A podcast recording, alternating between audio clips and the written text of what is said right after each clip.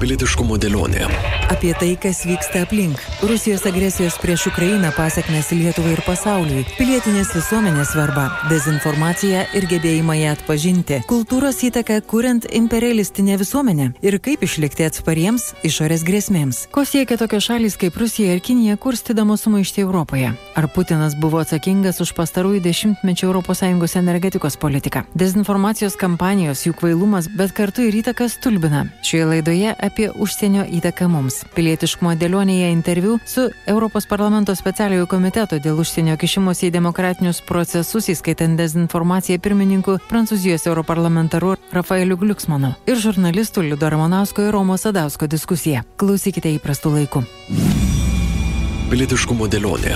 FM99 kas antrą antradienį 10.15. Laida kartojama ir kitomis savaitės dienomis. Laidą surasite ir FM99 radio podcast'e bei YouTube kanale. Visa informacija ir laidos fm99.lt.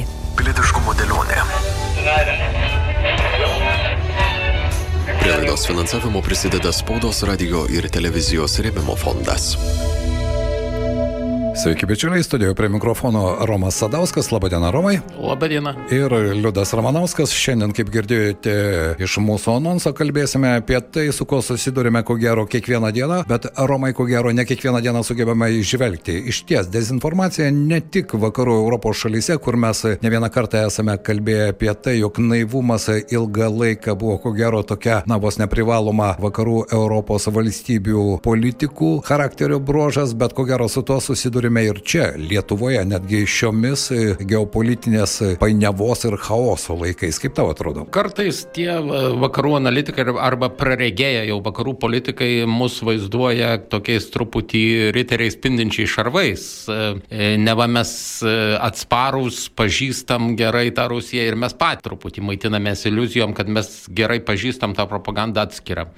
Ir mes esame atsparus, ar ne? Jo, jo, iš tikrųjų tas atsparumas yra galbūt tam instituciniam lygį pačiam aukščiausiam. Tai yra nei dabartinis, nei prieš tai buvusi prezidentė tikrai nekartoja Rusijos propagandos tezių ir, ir ten Europos vadovų tarybos susirinkimuose posėdžiuose atstovauja gana aiškiai tuos interesus, kurie visiškai priešingi Rusijai. Bet jeigu pažvelgtumėm į truputį žemesnį lygį, į tiek nacionalinius politikus, tiek vietinius, tai matom to sąsajų su Rusija ir, ir to naratyvų kartojimo pakankamai daug. Užtenka, užtenka pagalvoti vien apie tai, kad Skardžius vis dar yra Seime ir jis ten netėjo pats ir neatsisėdo, o jį kažkas ten išrinko. Tai vad rinkėjų lygmenį mes turim bėdą, turim didelę skverbtį Rusijos propagandos ir galų gale visas rytinis Lietuvos pakraštys vis dar mato iš Baltarusijos transliuojamas televizijas, kartais tas signalas net ir stipresnis daug kur pasienio zonoje ir aš vis dar matau svečiuodamasis pas paprastus žmonės, kad įjungtas televizorius, jie sako, mes jo nežiūrim, ten pramoginį turinį kažkokį, bet ten tie patys rusiški kanalai yra transliuojami iš Baltarusijos su, su uždėta baltarusiška reklama, bet propaganda visa per ten skverbėsi. Ir niekas nieko nedaro vis dar. Tavo nuomonė vis dėlto ir tas propagandinis kanalas yra pajėgus keisti mūsų supratimą apie dabartinį pasaulį, nes, na, rusai turi terminą zam, zombi dėžė, ar ne, televizorių taip vadina, aš galiu suprasti, ten daugiau kaip ketvirtis amžiaus ta propagandinė mašina dirba labai tikslingai, bet nejaugi mūsų bendruomenėje, mūsų visuomenėje to atsparumo ir supratimo nėra. Kur yra ta takoskira? Kodėl mes vis dėlto, jeigu kalbėti netgi būtiniam lygmenėje, vis dėlto priimame ir, na, ir diskusijose su paprastai žmonėmis dažnai išgirsti, bet jie juk sakė, Išgir, išgirstam, išgirsta jie ne tai, ką, e, kaip galutinę tiesą. E, jie išgirsta kaip vieną iš daugybės nuomonių. Ir tam nuomonių spektre e, šiuo atveju į vakarus ir į mus nukreiptos propagandos tikslas nėra taip kaip Rusijoje suformuoti vieningą liniją ir vieningą nuomonę, kurios privaloma laikytis, o sukurti tą įsivaizduojamą nuomonių įvairovę, kur nėra galutinės tiesos, o e, yra tik daugybė to paties įvykio versijų, kur visi kaltiniai, vienas nėra šventas ir tad, ukrainiečiai to, to lygus okupantams, čia vyksta kažkoks konfliktas, visko niekada nesuprasim ir va, to, tų teiginių skverbtis yra didelė. Romai, bet tai, tai yra mentalinė prasme, nes ir dažnai, jeigu pažvelgti netgi į mūsų politinį gyvenimą, ar ne, nuo aukščiausio iki žemiausio lygmens, e, e, prasidėjus vienokiam ar kitokiam skandalui, pirmasis argumentas, taigi visi, visi tokie patys vienodi. Ir štai tas naratyvas, mano nuomonė, jis ir yra vienas iš tų pagrindinių kanalų, kuriais ir ta dezinformacija ir propaganda mentalinė prasme, nes tikslas yra ne atstovauti vieną ar kitą pusę, ko gero, tikslas yra įnešti tam tikrą sumaištį, tam tikrą chaosą mūsų mąstymę. Ir netikėjimą institucijom. Bet e, aš anksčiau juokdavausi, kai e, paprastas žmogus iš liaudės pasako, visi jie vagys, dabar jau neturiu ką atsakyti po pastarųjų dienų įvykių. Kita vertus, kai, kai Seimo konservatoriai kalba, kad 50 kažkeli taryb, e, Seimo nariai buvo prieš tai tarybos ir todėl jie visi susitepę, atsiprašau, tai čia yra tas pats kartojimas, kad visi jie vagys. Ne, nebūtinai visi. Gal ten, gal ten pusė, gal ten mažiau kaip pusė kažką prisičekino, kaip sakė. Ar galima tuo pat metu teikti, kad visi vakarų Europos politikai taip pat sėdėjo e, Putino kišenėje? E, manau, kad irgi yra įvairiai. Yra tų, kurie, e, kurie iš tikrųjų sėdėjo, yra tas Šrioderio reiškinys, e, bet yra ir paprasto naivumo. E, pridėkim dar yra Kinija, kuri, kuri dirba nuosekliai daugybę metų ir kartais, kartais politikas gali net nežinot, iš kur jam į galvą prasiskverbė vieni ar kiti sumanimai. Kitas dalykas, jie visi remiasi kažkokio aparatų, didesnės didesnėse valstybėse kiekvieną parlamentarą aptarnauja e, didelė personalo grupė, kiek ten yra dirbančių kažkam. E, pats politikas gali net nežinoti, kad jisai e, vykdo kažkam naudingą politiką. Beje, kalbant apie Kiniją, ko gero dar netokia tolima praeitis, kai Kinai kviesdavo tuos pačius Lietuvos valdybių atstovus, tarybos narius į savaitės, dviejų savaičių turnė. Po Kiniją viskas apmokama, viskas kursas e, ir vykdavo ir e, seminarai, ir pamokymai ir taip toliau. Dabar, ko gero, visi puikiai supranta, jog tai buvo irgi ta minkštoji gale iš toli. Kinai, ko gero, ne taip akivaizdžiai kaip rusai daro, bet jie irgi turi savo interesus, jų neslepia, bet galbūt jų įrankiai kiek kitokie. Taip, ir labai gerus įspūdžius parsiveždavo iš ten, labai gerus. Ir net ir iš Šiaurės Korejos gerus parsiveždavo. Taip, ir nuotraukas dėdavosi ir girdavosi, štai juos tokia didžioji valstybė pasikvietė. Ir prisiminkim, kai, kai tik prasidėjo e, informacija apie tai, pasklido, kad e, per informacinių technologijų bendrovės ten renkama, renkami duomenys vakariečių, tame tarp ir mūsų, tai koks buvo pasipiktinimas tų žmonių, kurie e, tarsi ir nesuinteresuoti. Netgi e, buvom kelis kartus gana karštai susi, įsivėlę į diskusiją su apž technologijų apžvalgininkais, grinai, kurie paskui paaiškėjo, kad ten koks nors viena iš kinų kompanijų, jų atstovybė čia e, elgesi truputį kitaip negu, sakysim, vakarų technologijų bendrovės, ten atsiunčia dovanų e, pačius naujausius išleistus prietaisus ir jiems tiesiog labai malonu yra bendrauti su ta tą įmonę ir, ir tada jau kažką apie ją blogą e, rašyti, kalbėti nesinori ir savaime tampa gynėjais. Tai va ta minkštoji galia jinai skverbėsi per visur. Ir jinai tebesiskverbia, aš manau. Na, o dabar paklausykime Rafaelio Gluks, mano žmogaus, kuris iš tikrųjų turi patirtį, su juo kalbėjosi mūsų kolegė Vilija Kvedaraitė. Pilietiškumo dėlionė. Specialusis komitetas dėl užsienio kišimos į demokratinius procesus Europoje, įskaitant dezinformaciją, įkurtas 2020-aisiais dabartinės Europos parlamento kadencijos pradžioje. Vis didesnės grėsmės demokratijai tapo įtin akivaizdžios pastaraisiais metais. Pandemija, paskui karas Europoje atskleidė dezinformacijos ir kišimosi iš užsienio mastus. Komitetas buvo įkurtas ribotam laikui, grėsmėms ištirti ir pasiūlymams pateikti, tačiau jo veikla buvo pratesta. Apie grėsmės demokratiniam pasauliu 21-ame amžiuje kalbame su šio komiteto pirmininku pirmininku Prancūzijos europarlamentaru Rafaeliu Gliuksmanu.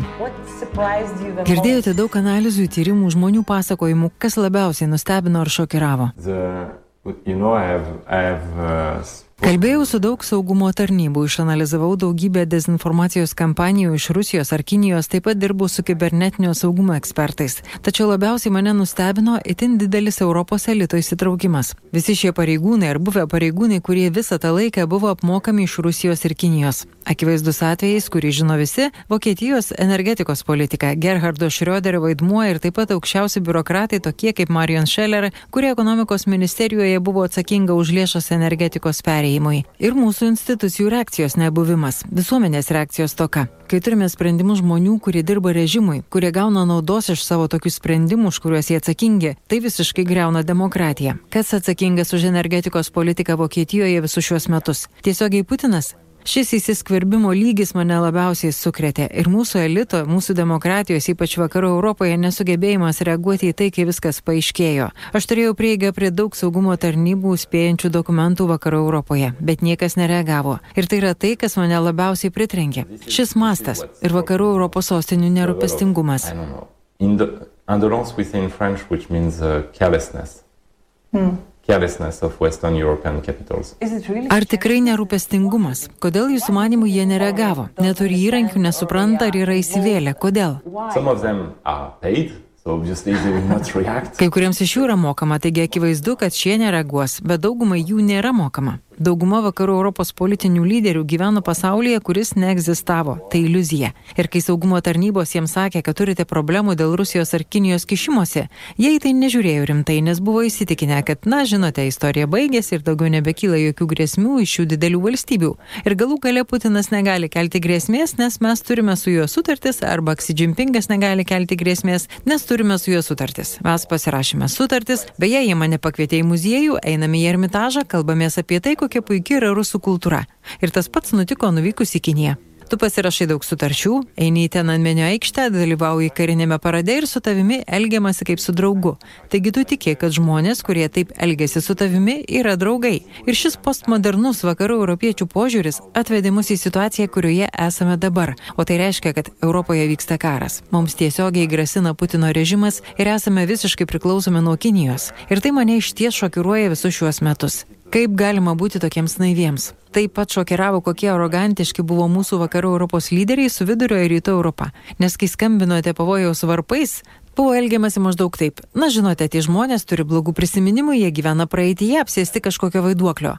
Taip, bet kas gyveno praeitie ir sapne? Tebūnė tai geras sapnas ar blogas sapnas? Žmonės Paryžiuje ir Berlyne, o ne Vilniuje ir Taline. Ir tai man buvo ženklas, kad mes niekada iki šiol išties ir nesuvienijome Europos. Vyko plėtra, tačiau dėl vidurio ir rytų Europos istorijos ir kultūros supratimo stokos tikro susijungimo nebuvo. Ir tai yra viena didžiausių klaidų. Tai, kas iš tikrųjų keičiasi, mums dabar tiesiog kalbant. Vasario 24 dieną 2022 su pilna invazija į Ukrainą. Gali būti, jei mums pavyks pakeisti, turiu galvoje surenkti kažkokią mentalinę revoliuciją Europoje, gali būti ir tikro žemynų susivienimo pradžia. Nes būtent dabar, kai kalba kas nors iš Talino ar Vilniaus, nebeįmanoma, kad būtų tokio pat lygio ignoravimas ar arogancija iš Paryžiaus ar Berlyno pusės. Pilietiškumo dėlionė. Na štai, galima su Rafaeliu, ko gero, Romai čia sutikti, ar ne? Daugelis jo minčių, galbūt iš tikrųjų jis turi daug patirties, daug informacijos. Tai iš kitos pusės tik 20 metais Europos parlamente buvo pradėta apie tai ne tik galvoti, bet ir daryti. Bet iš esmės ta takoskira tarp senosios Europos, kaip buvo ilgą laiką vadinama, ir tų naujųjų ES šalių, mano nuomonė, Rafaelis čia yra labai tiksliai pastebėjus. Mentalinė prasme ta takoskira taip ir liko. Taip, ta takoskyra liko, jis ją labai gerai čia užčiopė, kita vertus, e, e, gal jis truputį perdada tų žmonių Talinė ir Vilniuje nusiteikimą matyti e, grėsmės. Mūsų ataskaitose apie grėsmės nacionaliniam saugumui irgi minimos smulkmenos ir pavieniai nesėkmingi išnipinėjimo atvejai, nors apie bendresnę įtaką politikai irgi mažai užsimenama. Ta prasme, mes irgi iš dalies gyvenam tam pačiam vakariečių sapne. E, bent jau nemaža dalis visuomenės. Ir tarkim, Kauno mero rinkimų rezultatai su visa prieš tai skelbta informacija puikiai paliūdė, kad žmonės net ir žinodami tą informaciją ją atmeta ir geriau sąmoningai pasilieka tame sapne, kur, kur e, e, kažkokie ryšiai Rusijoje yra e, neva efektyvaus valdymo kaina tiesiog. Bet kodėl? Vis dėlto tas e, galbūt retoriškai skambantis mano klausimas, kodėl taip yra. Aš suprantu iki praėjusiu metu vasario 24 dienos, bet po to, ar vis dėlto dar reikia ilgesnio laiko, jog tas mūsų supratimas ir mąstymas giluminė prasme, nes išoriškai daugelis gali sakyti taip, Rusija yra agresoriai, mes puikiai suprantame tą įtaką, kokią daro jos e, propaganda ir dezinformacija, puikiai žinome, kokie yra Kinijos ketinimai, bet būtiniam kasdieniniam gyvenime mes vis tiek gyvename tomis pačiomis nuostatomis, nors apie tai galbūt dabar jau nepatogu viešai kalbėti. E, aš manau, kad vis dėlto tai yra gilesni dalykai, e, kai žmogus nuo tos baisios tikrovės, tiek nuo karo vaizdų, tiek nuo paties fakto, kad pirkdamas kažkokią lietuvių gamintojo prekę jis irgi prisideda prie bendrininkauja, sakysim, nu, nuperka dalį šovinio, kurio bus nužudytas galbūt e, ukrainietis, nuo tos tikrovės norisi pabėgti. Pabėgti į pramoginį kažkokį pasaulį, į e, informaciją, kuri neskaudina, kuri neverčia e, susimastyti, neverčia kažką keisti. Tai yra gynybiniai mechanizmai. Ir e, e, tie gynybiniai mechanizmai suveikė ir tose savivaldybėse, kai išrinko politikų susijusių su Rusija. Tie žmonės tiesiog, kadangi anksčiau juos rinko, tai dabar e, jiems per sunku savo pripažinti, kad jie padarė klaidą. Žmonės žmonės labai nemėgsta pripažinti savo klaidų. Čia aš su tavimi sutinku, paklausykime dar Rafaelio.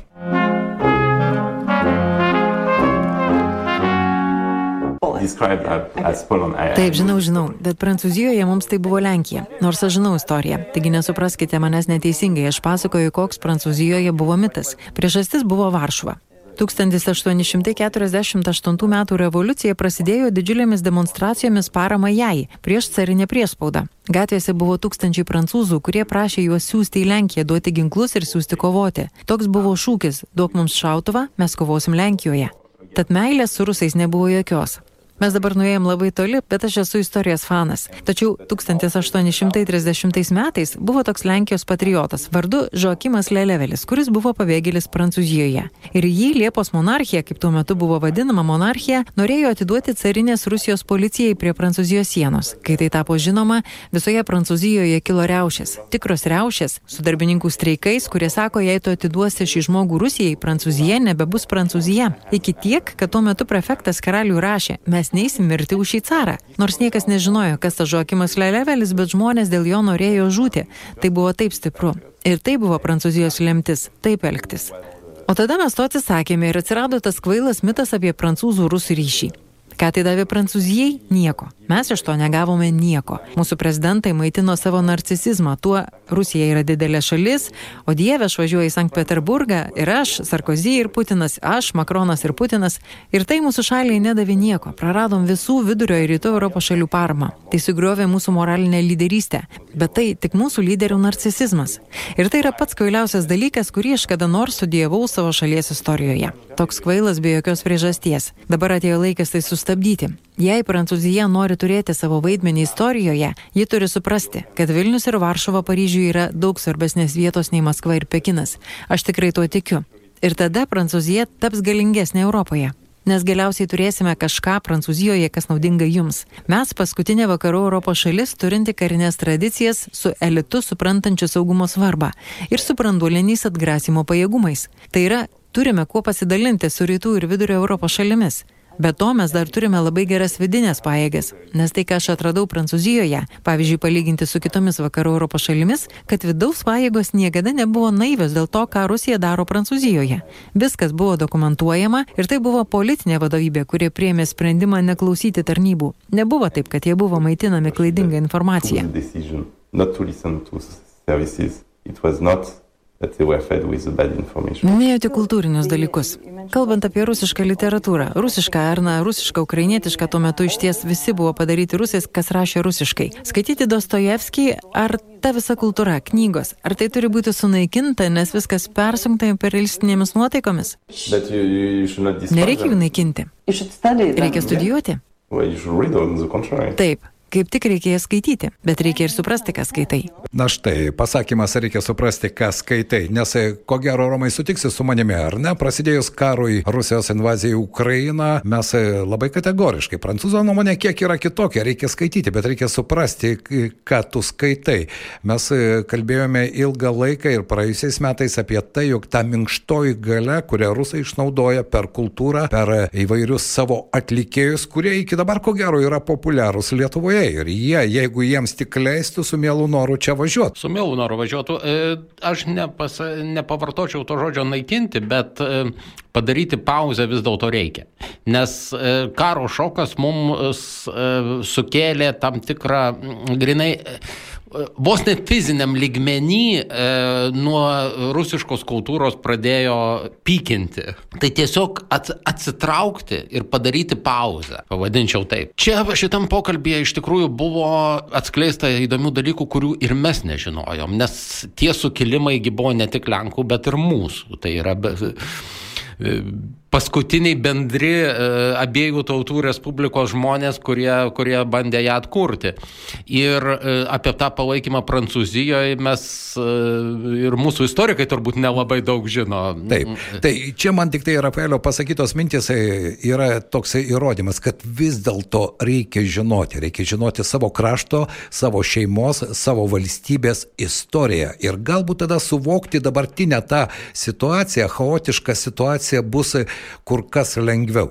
Ne tik, ne tik prancūzams buvo ta e, e, truputį sumaišytos galvos, e, mes lygiai taip pat į šitą sukili, e, šitos du sukilimus XIX amžiaus žvelgiam kaip į Lenkų. E, tai, tai irgi yra e, to rusiškojo imperializmo propagandos rezultatas. E, mes jam pasidavėm tarpu kariu, kai buvom susipriešinę su Lenkais ir, ir e, sakysim, ta, ten jau buvo ir vidinių priežasčių, bet tai, kas vyko paskui, ta visa e, galvoj tebetūnantis klastingo Lenko įvaizdis ir jis truko turbūt iki šito karo. Šitas karas dar kartą padėjo mums e, susiprasti, kad e, visos abiejų tautų Respublikos tautos, ukrainiečiai, lenkai, lietuviai ir baltarusiai, vis dėlto turi labai daug ką bendro. Ne tik tą istoriją, bet ir bendrą mąstymo būdą, požiūrį į demokratiją, e, tą tokį prancūzišką laisvą dvasę. E, ir po karo. Manau, kad e,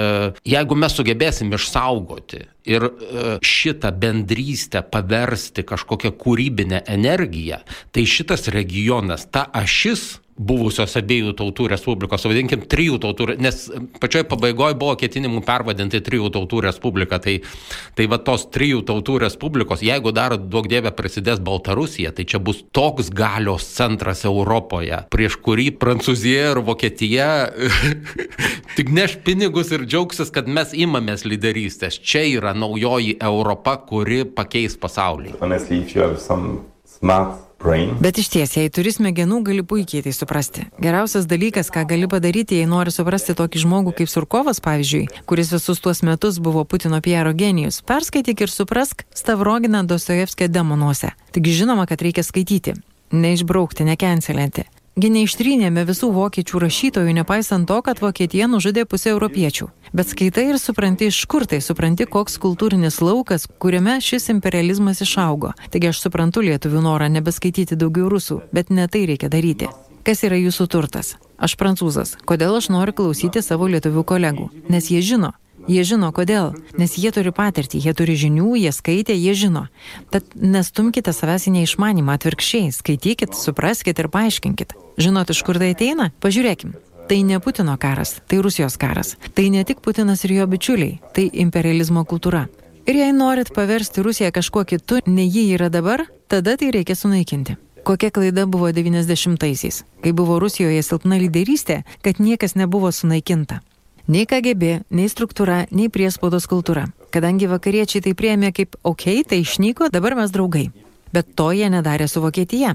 Vokietijos lyderiams buvo Nürnbergo teismas ir sunaikinimas imperialistinio mąstymo, kuris atvedė prie tiek mirčių. Ir tai Europa turės padaryti po to, kai nugalėsim Rusiją Ukrainoje. Tai pirmas dalykas, kuris turi būti padarytas. Viskas prasideda nuo to. Jei mes nenugalėsim Rusijos Ukrainoje, niekas Europoje nebus įmanoma, nes bus tiesiog nuolatinis chaosas. Tad pirmiausia, jie turi pralaimėti. O tam, kad jie pralaimėtų, ką mes galime daryti čia?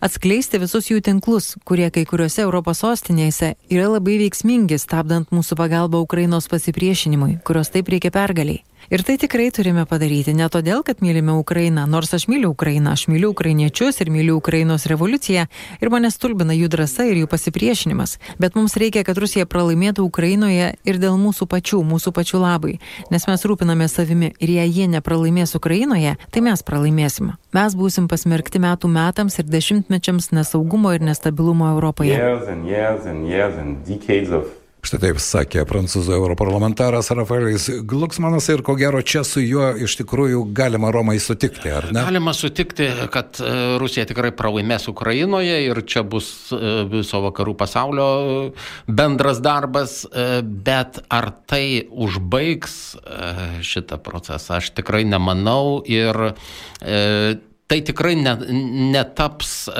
kažkokiu pačios Rusijos pakeitimu. E, taip kaip ir 90 metais e, vakarai negalėjo priversti rusų panaikinti KGB arba perkarauti savo mąstymą, taip ir dabar pralaimėtas karas nereiškia net ir paties Putino gavo. E, režimas išliks, net jeigu ir be Putino, tai vis tiek išliks ir imperializmas išliks. O. Ir mums reikės visada su juo gyventi ir kasmet vis iš naujo išrankioti tos, atsekti tos tuos čiuptuvus, nuo jų atsikabinti, išrankioti tuos visur įsiterpusius agentus. Tai štai, kalbant apie tos čiuptuvus, tu būdamas žurnalistas puikiai orientuojasi ir socialinėje medijoje, ir mūsų bendruomenės gyvenime. Tai kiek tų čiuptuvų galima pajausti, nekalbant vien tik tai apie specialiųjų tarnybų žmonės, kurie turėtų tą darbą dirbti, bet ir mes kaip paprasti piliečiai visuomenės nariai. Ar mes jaučiame juos? Pirmiausia, mes patys turim e, sugebėti atpažinti ir e, neplatinti tų naratyvų, kurie mums primetami. E, kuo toliau, tuo darosi sunkiau. Šiuo atveju dirbtinio intelekto technologijos tik tai e, pasitarnaus. E, puikiausias pavyzdys yra šio pirmadienio per visus iš pradžių e, rusiškus telegram kanalus, paskui iš ten persikėlus į Twitterį, dirbtinio intelektų sugeneruota nuotraukėlė sprogimas Pentagone ir e, feikinė visiškai žinia, neva iš tikrųjų tai yra tikras įvykis. Nuotrauka puikiai sukurta niekam ir tai veikia dar stipriau negu vien tik tai tekstinis melas, kai matom vaizdą. E, netrukus prisidės ir panašus video, taip kad e, pasaulis tik taps sudėtingesnis ir mums nuolat teks mokytis atpažinti melą ir atpažinti propagandą. Bet tai apie tai reikia ir kalbėti, apie tai reikia diskutuoti, nes ko gero, čia aš sutinku su Rafaeliu, jeigu skaitai, skaityk, bet supras, ką skaityk taip ir girdint, ko gero, reikia suprasti, apie ką yra kalbama ir ne visada tiesioginiai žodžiais. Ypatingai kalbant apie dezinformaciją ir propagandą, ji turi begalę pačių išradingiausių formų. Tai nebūtinai yra melaginga žinia apie sprogimą, tai gali būti e, bendras naratyvas apie žlugusią vakarų civilizaciją, apie moralinį supuvimą vakarų ir kaip alternatyvos e, e, rytietiškos do doros vertybės ir tradicinė šeima ir visa kita. Tai eina labai sudėtingais e, reiškiniais, įsimaišo ir susilieja su e, vietiniais procesais, su mūsų mąstymo būdu. Be jokios abejonės, na, mąstymą keisti yra sudėtingiausia. Šiandien noriu padėkoti mūsų laidoje Romas Adauskas, Vilija Kvedaraitė, Rafaelis Glucksmanas. Pokalbį su juo mes baigsime mūsų laidą ir aš Liudas Ramanauskas. Aš tikiuosi, kad iš tikrųjų apie tai reikia kalbėti. Ne, ne negalime būti kaip stručiai, galvos neįkiši, nuo to pasaulis su savo realijomis dėja nesikeičia, o mums visiems jame reikia gyventi. Romai, ačiū tau šiandien už pokalbį. Ačiū. Ukrainiečiai galbūt gali laimėti ir dėl to, kad gerai pažįsta priešą. Kalbant apie dezinformaciją, ar jūs pažįstate kažką, kam ši informacija skirta, kas užkybo, kuris buvo paveiktas dezinformacijos? Turiu omenyje, kad mes kovojam su dezinformacija, tačiau dažniausiai kalbam su žmonėmis, kurie ir taip tuo netiki. Na, aš žinau, kas yra dezinformacija, aš nepati netikėsiu kažkokiamis kvailomis žiniomis, bet jei kažkas jau užkybo, to mes nežinom. Taip, bet nereikia pažinoti žmonių tikinčių dezinformaciją, kad su jie kovoti. Žinot, mesgi buvom kaip sviestas, į kurį sminga karštas peilis. Tai buvo taip lengva. Kodėl? Nes mes nesisaugojam. Taigi aš neplausiu smegenų kiekvienam žmogui, kuris tiki Rusijos propagandą. Aš negaliu jų pasiekti.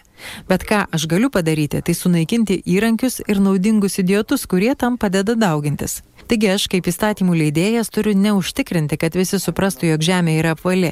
Tai ne mano problema, tiesą sakant, jei tikite, kad Žemė yra plokščia. Gal galiu manyti, kad jūs idiotas, bet tai nepriklauso nuo manęs. Jūs esat laisvas ir galite tuo tikėti. Bet jei užsienio vyriausybė išleidžia milijonus, kad milijonai mano bendrapiliečių patikėtų, kad Žemė yra plokščia, tada tai tampa mano problema.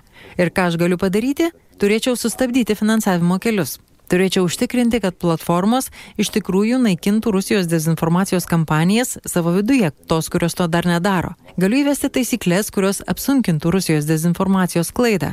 Galiu užkurti medijų raštingumo programas, kurios leis daugumai europiečių suprasti dezinformaciją. Ir trečias dalykas, galiu atskleisti netikras naujienos ir dezinformacijos kampanijas. Bet pirmas dalykas, ką turėčiau padaryti, tai kad mano teritorija tiesiog būtų sunkiau prieinama. Ir tai yra daroma. Mes balsavome už platformų reguliavimą, tačiau tai vis tiek dar labai atvira. In the process, we, we, we voted the regulation of platforms, but it's still very, very Nothing open. Happens. Yes, very open. Radio stočiai FM99 kalbėjo Rafaelis Gliuksmanas, prancūzijos europarlamentaras, specialiojo komiteto dėl užsienio kišimus į demokratinius procesus ES, įskaitant dezinformaciją pirmininkas. Jį kalbino Vilija Kvedaraitė. Pilietiškumo dėlionė. Pilietiškumo dėlionė. FM99. Pilietiškumo dėlionė. Prie laidos finansavimo prisideda spaudos radio ir televizijos rėmimo fondas.